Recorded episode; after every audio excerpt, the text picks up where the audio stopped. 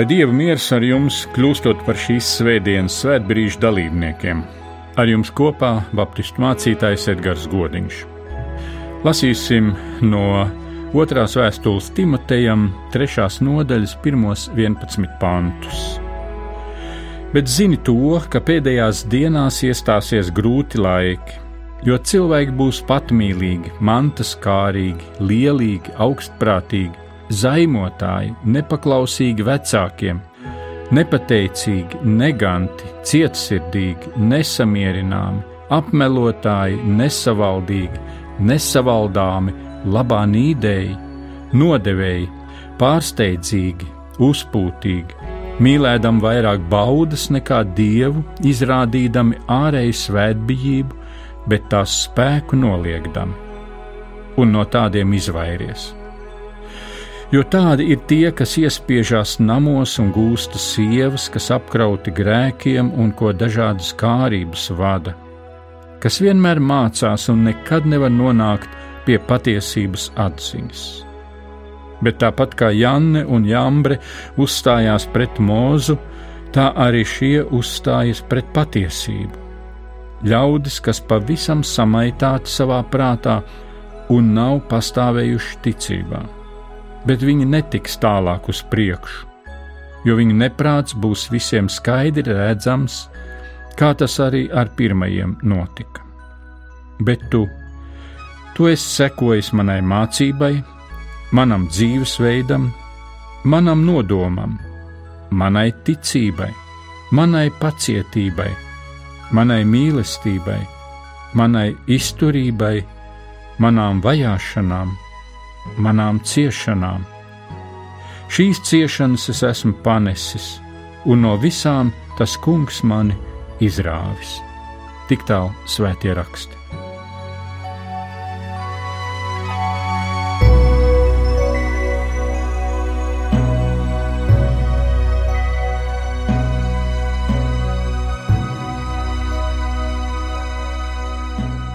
Kad šo izlasām, tad redzam no jauna, kāda ir tā vide, kurā dzīvojam.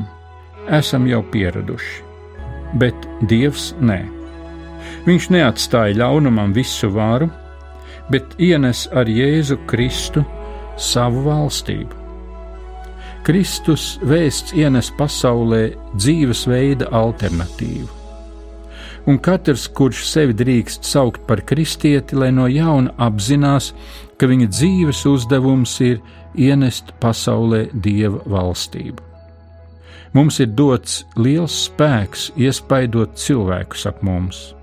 Iespaids ir lipīgs, un citus pavelk līdzi, vai nu uz labu, vai uz grēku. Jēzus aicināja mācekļus nevien ar vārdiem mācīt, bet ar dzīvi izdzīvot, lai ierobežotu vēlna darbus un padarītu redzamu iespējamu dzīvi Dieva vadībā un tuvumā. Vai ir kāds cilvēks, kurš jūs ir iespaidojis būt par paraugu, par priekšzīmi? Droši vien jūs kādus atcerētos, ievērojāt, kā bērnus audzināt vai kā plānot savu laiku, vai kā pārvarēt ticības nespēku. Mēs paši daudz ko iemācāmies, bet tās lielākās gudrības mums ir jāpaņem no malas. Bieži no cilvēkiem, kuri ir ap mums, kuriem mēs uzticamies, un par kuriem ir pārliecība, ka viņu darītais sasniedz mērķi. Kad viņš pieķeras klāt, tad izdodas, un es arī tā gribu.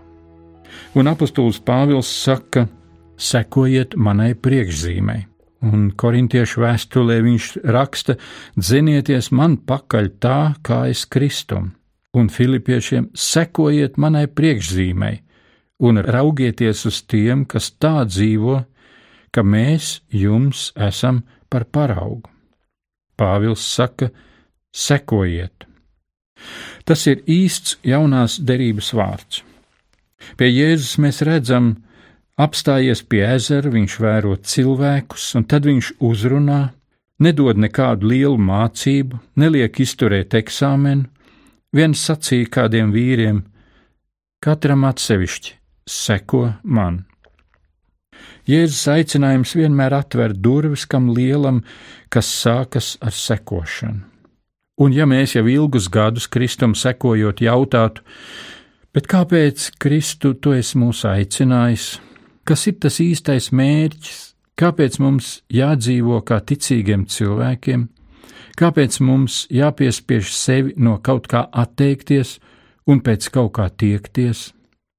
Vai tas tādēļ, lai dzīvotu ar apziņu, ka mūs vēro, un dažkārt saka, ticīgs cilvēks tā nedara, jo tā apkaunojam gan Dievu, gan Dieva valstību, gan Kristus draugu.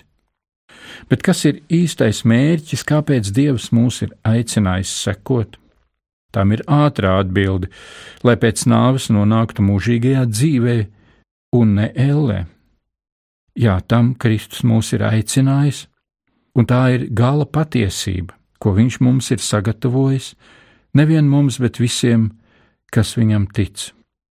Bet varbūt vēl ir kāds mērķis jau tuvāks. Dieva mērķis Kristu ticīgajiem ir veidot Dieva valstību šajā sātana sagrautajā grēku pasaulē. Dievs redz asaras, un tāpēc sūta savus bērnus asaras žāvēt.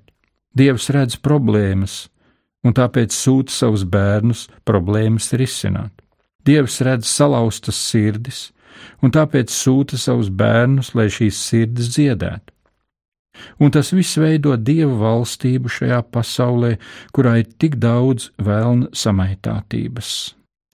Un nekam mazākam mēs neesam aicināti, kā ienest dievu valstību pasaulē.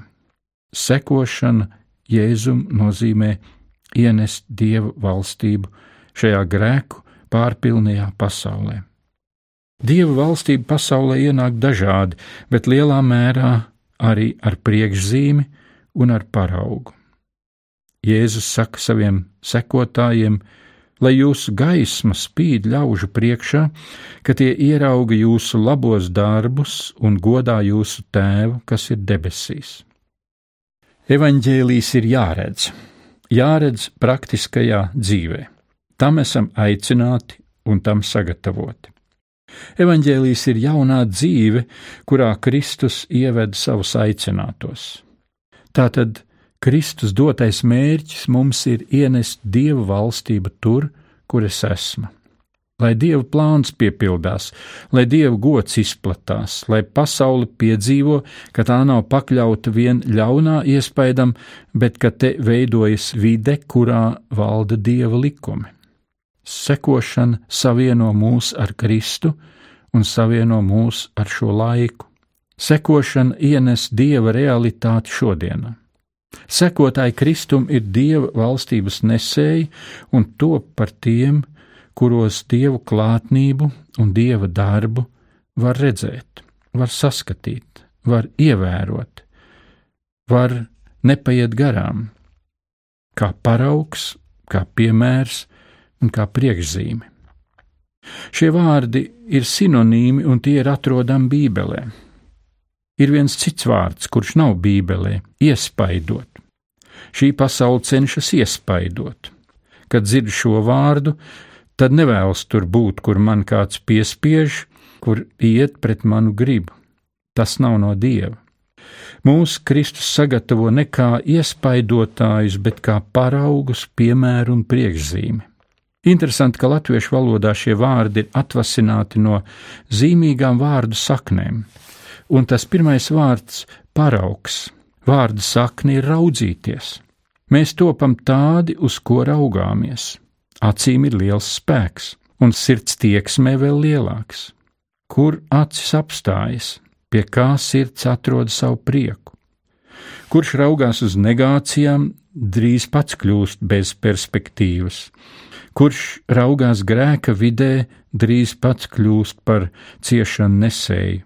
Bet mums ir doti piemēri, kur dzīve nes idejas, drosmi, mīlestību, ticību, cerību, ievēro, raugies, piedomā, kāds iespējas veidot tevi. Tev veidot tas, ko tu izvēlies par paraugu. Kad cilvēks skatās uz kristieti, viņi jautā, kā tu vari būt citāds, kā tu vari būt atšķirīgs, kā tu vari tik ilgi sadzīvot ar savu sievu vai vīru, kā tu vari palikt pie dotā solījuma arī tad, kad tas nenes tev labumu. Kā tu vari tikt galā ar saviem bērniem, nekliedzot uz viņiem par katru sīkumu un viņus nepazemojot? Kā tu vari nodzīvot savu dzīvi, ka tev nav beigās jādzied dziesma, skaista bija jaunība, bet ka tu vari sacīt, brīnišķīga bija mana dzīve, un vēl tajā ir tik daudz jauka. Kā var iziet cauri dzīvei, lai tavas rokas paliek neaptraipītas un stāja skaidra?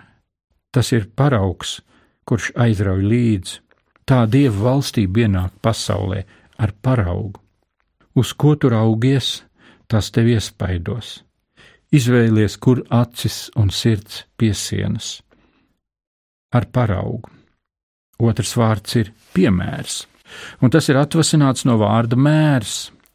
Mēru katrs pats neizvēlas. Mēs pieņemam tos mērus, kādi tajā valstī ir, kurā mēs esam. Vai nu metru, vai colu, kilometru, vai jūdzi, kilogramu vai funtu. Mēs pieņemam to un pakļaujamies. Mērs ir robežas. Mērs nosaka, kas pietrūkst un kas ir par daudz. Mērs ir kā likums, kurš nosaka, kas ir taisns un patiess, un kur sākas nelikumība. Mēru cilvēki neizvēlas pēc sava prāta. Mērs ir valsts instruments. Kurš nelieto pareizu mēru, ir krāpnieks. Kristus ienes pasaulē mērus, kuri īsteno taisnību un mieru. Šie ir dieva valstības mēri, un katrs, kurš mēģina sevi definēt kā kristieti, nevar dzīvot ar saviem mēriem, viņam ir jāpieņem tie mēri, kas nāk no dieva valstības. Kristus pasaulē ienes mērus, kuri īsteno taisnību un mieru. Viņa piemērs mums rāda, kas ir tas, kurš attīsta un kas degradē, kāda rīcība nes svētību, mieru un attīstību, un kas asaras, sāpes un dzīves apnikumu. Katram apzināti ir jāsaņem mēru sistēma no dieva. Ja nē, nav jābrīnās, ka dzīve ir sajaukta, laulības brūkošas, bērni bēg no mājām. Dzīvojot ar saviem mēriem, apkārt rodas asaras, ciešanas un sarūktinājums, tā ka cilvēki dažkārt sacīs: Man šajā pasaulē apnicis dzīvot. Bet Kristus saka: Seko man, manam piemēram, kurš ņem piemēru no Kristus, tāds ienes dieva valstību pasaulē. Trešais vārds ir priekšzīme, nāk no vārda zīme. Zīme nav nekas liels, papīrs vai metāla gabals, uz kura ir kas uzrakstīts un nolikts īstajā vietā ar norādi uz mērķi.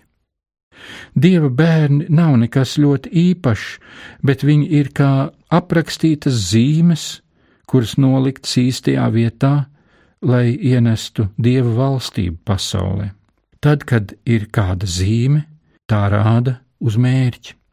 Īpaši svarīgi tas ir krustojumā, kad vairs nezinu, kur ir mans mērķis, pa labi, pa kreisi vai taisni. Kā saka, kuram nav mērķa, tas vienmēr ir uz pareizā ceļa, jo viņš nezina, kur piet un arī nekur nenonāks. Bet mēs jau vēlamies savai dzīvei kādu jēgu, mēs vēlamies dzīves jēgu, un cik labi, ka ir kādas zīmes, kuras uz to norāda.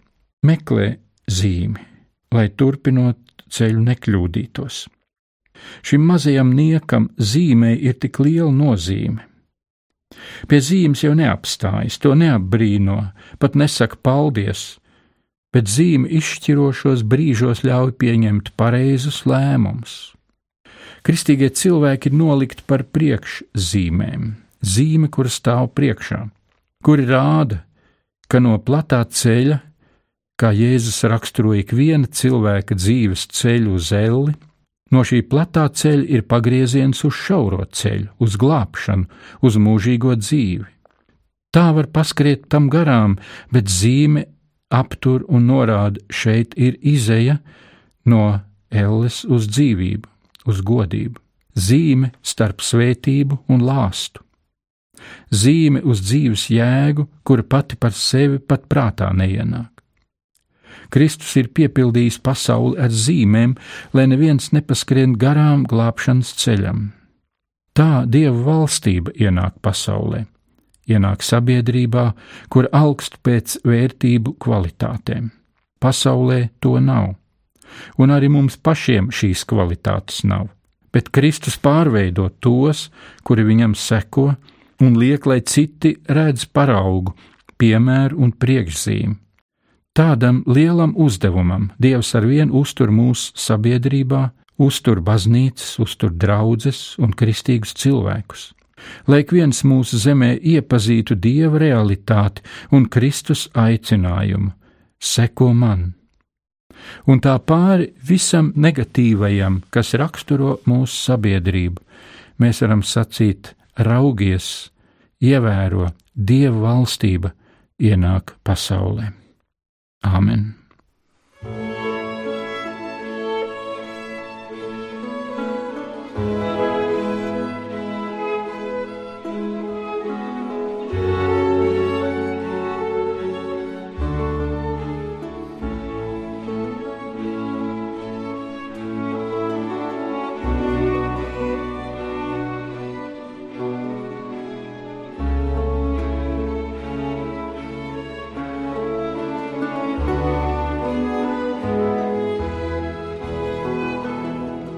Mēs lūgsim Dievu.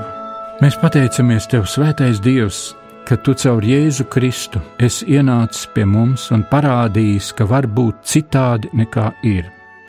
Tu esi ievedis mūs citas realitātes redzējumā, pie kuras mēs dažkārt sakam, man tas nav iespējams. Bet Tu ienāc, piedod grēku, pacel mūs no kritiena un dod mums jaunu dzīvi un jaunas iespējas. Kā arī mēs varam nevien tikai raudzīties uz citiem, bet arī paši kļūt par tiem, kuri var palīdzēt citiem. Paldies, ka mēs varam tev sekot un ka mēs varam būt tur, kur tu esi mūs nolicis. Lai tavs spēks un tava žēlastība ir ar ikvienu tavu bērnu, lai viņš kļūst par labu paraugu, labu piemēru un labu priekšzīmi. Un mēs pateicamies Dievam, ka caur Jēzu Kristu tu to vēlies, un tu to arī darīsi. Tevi mēs godinām. Āmen!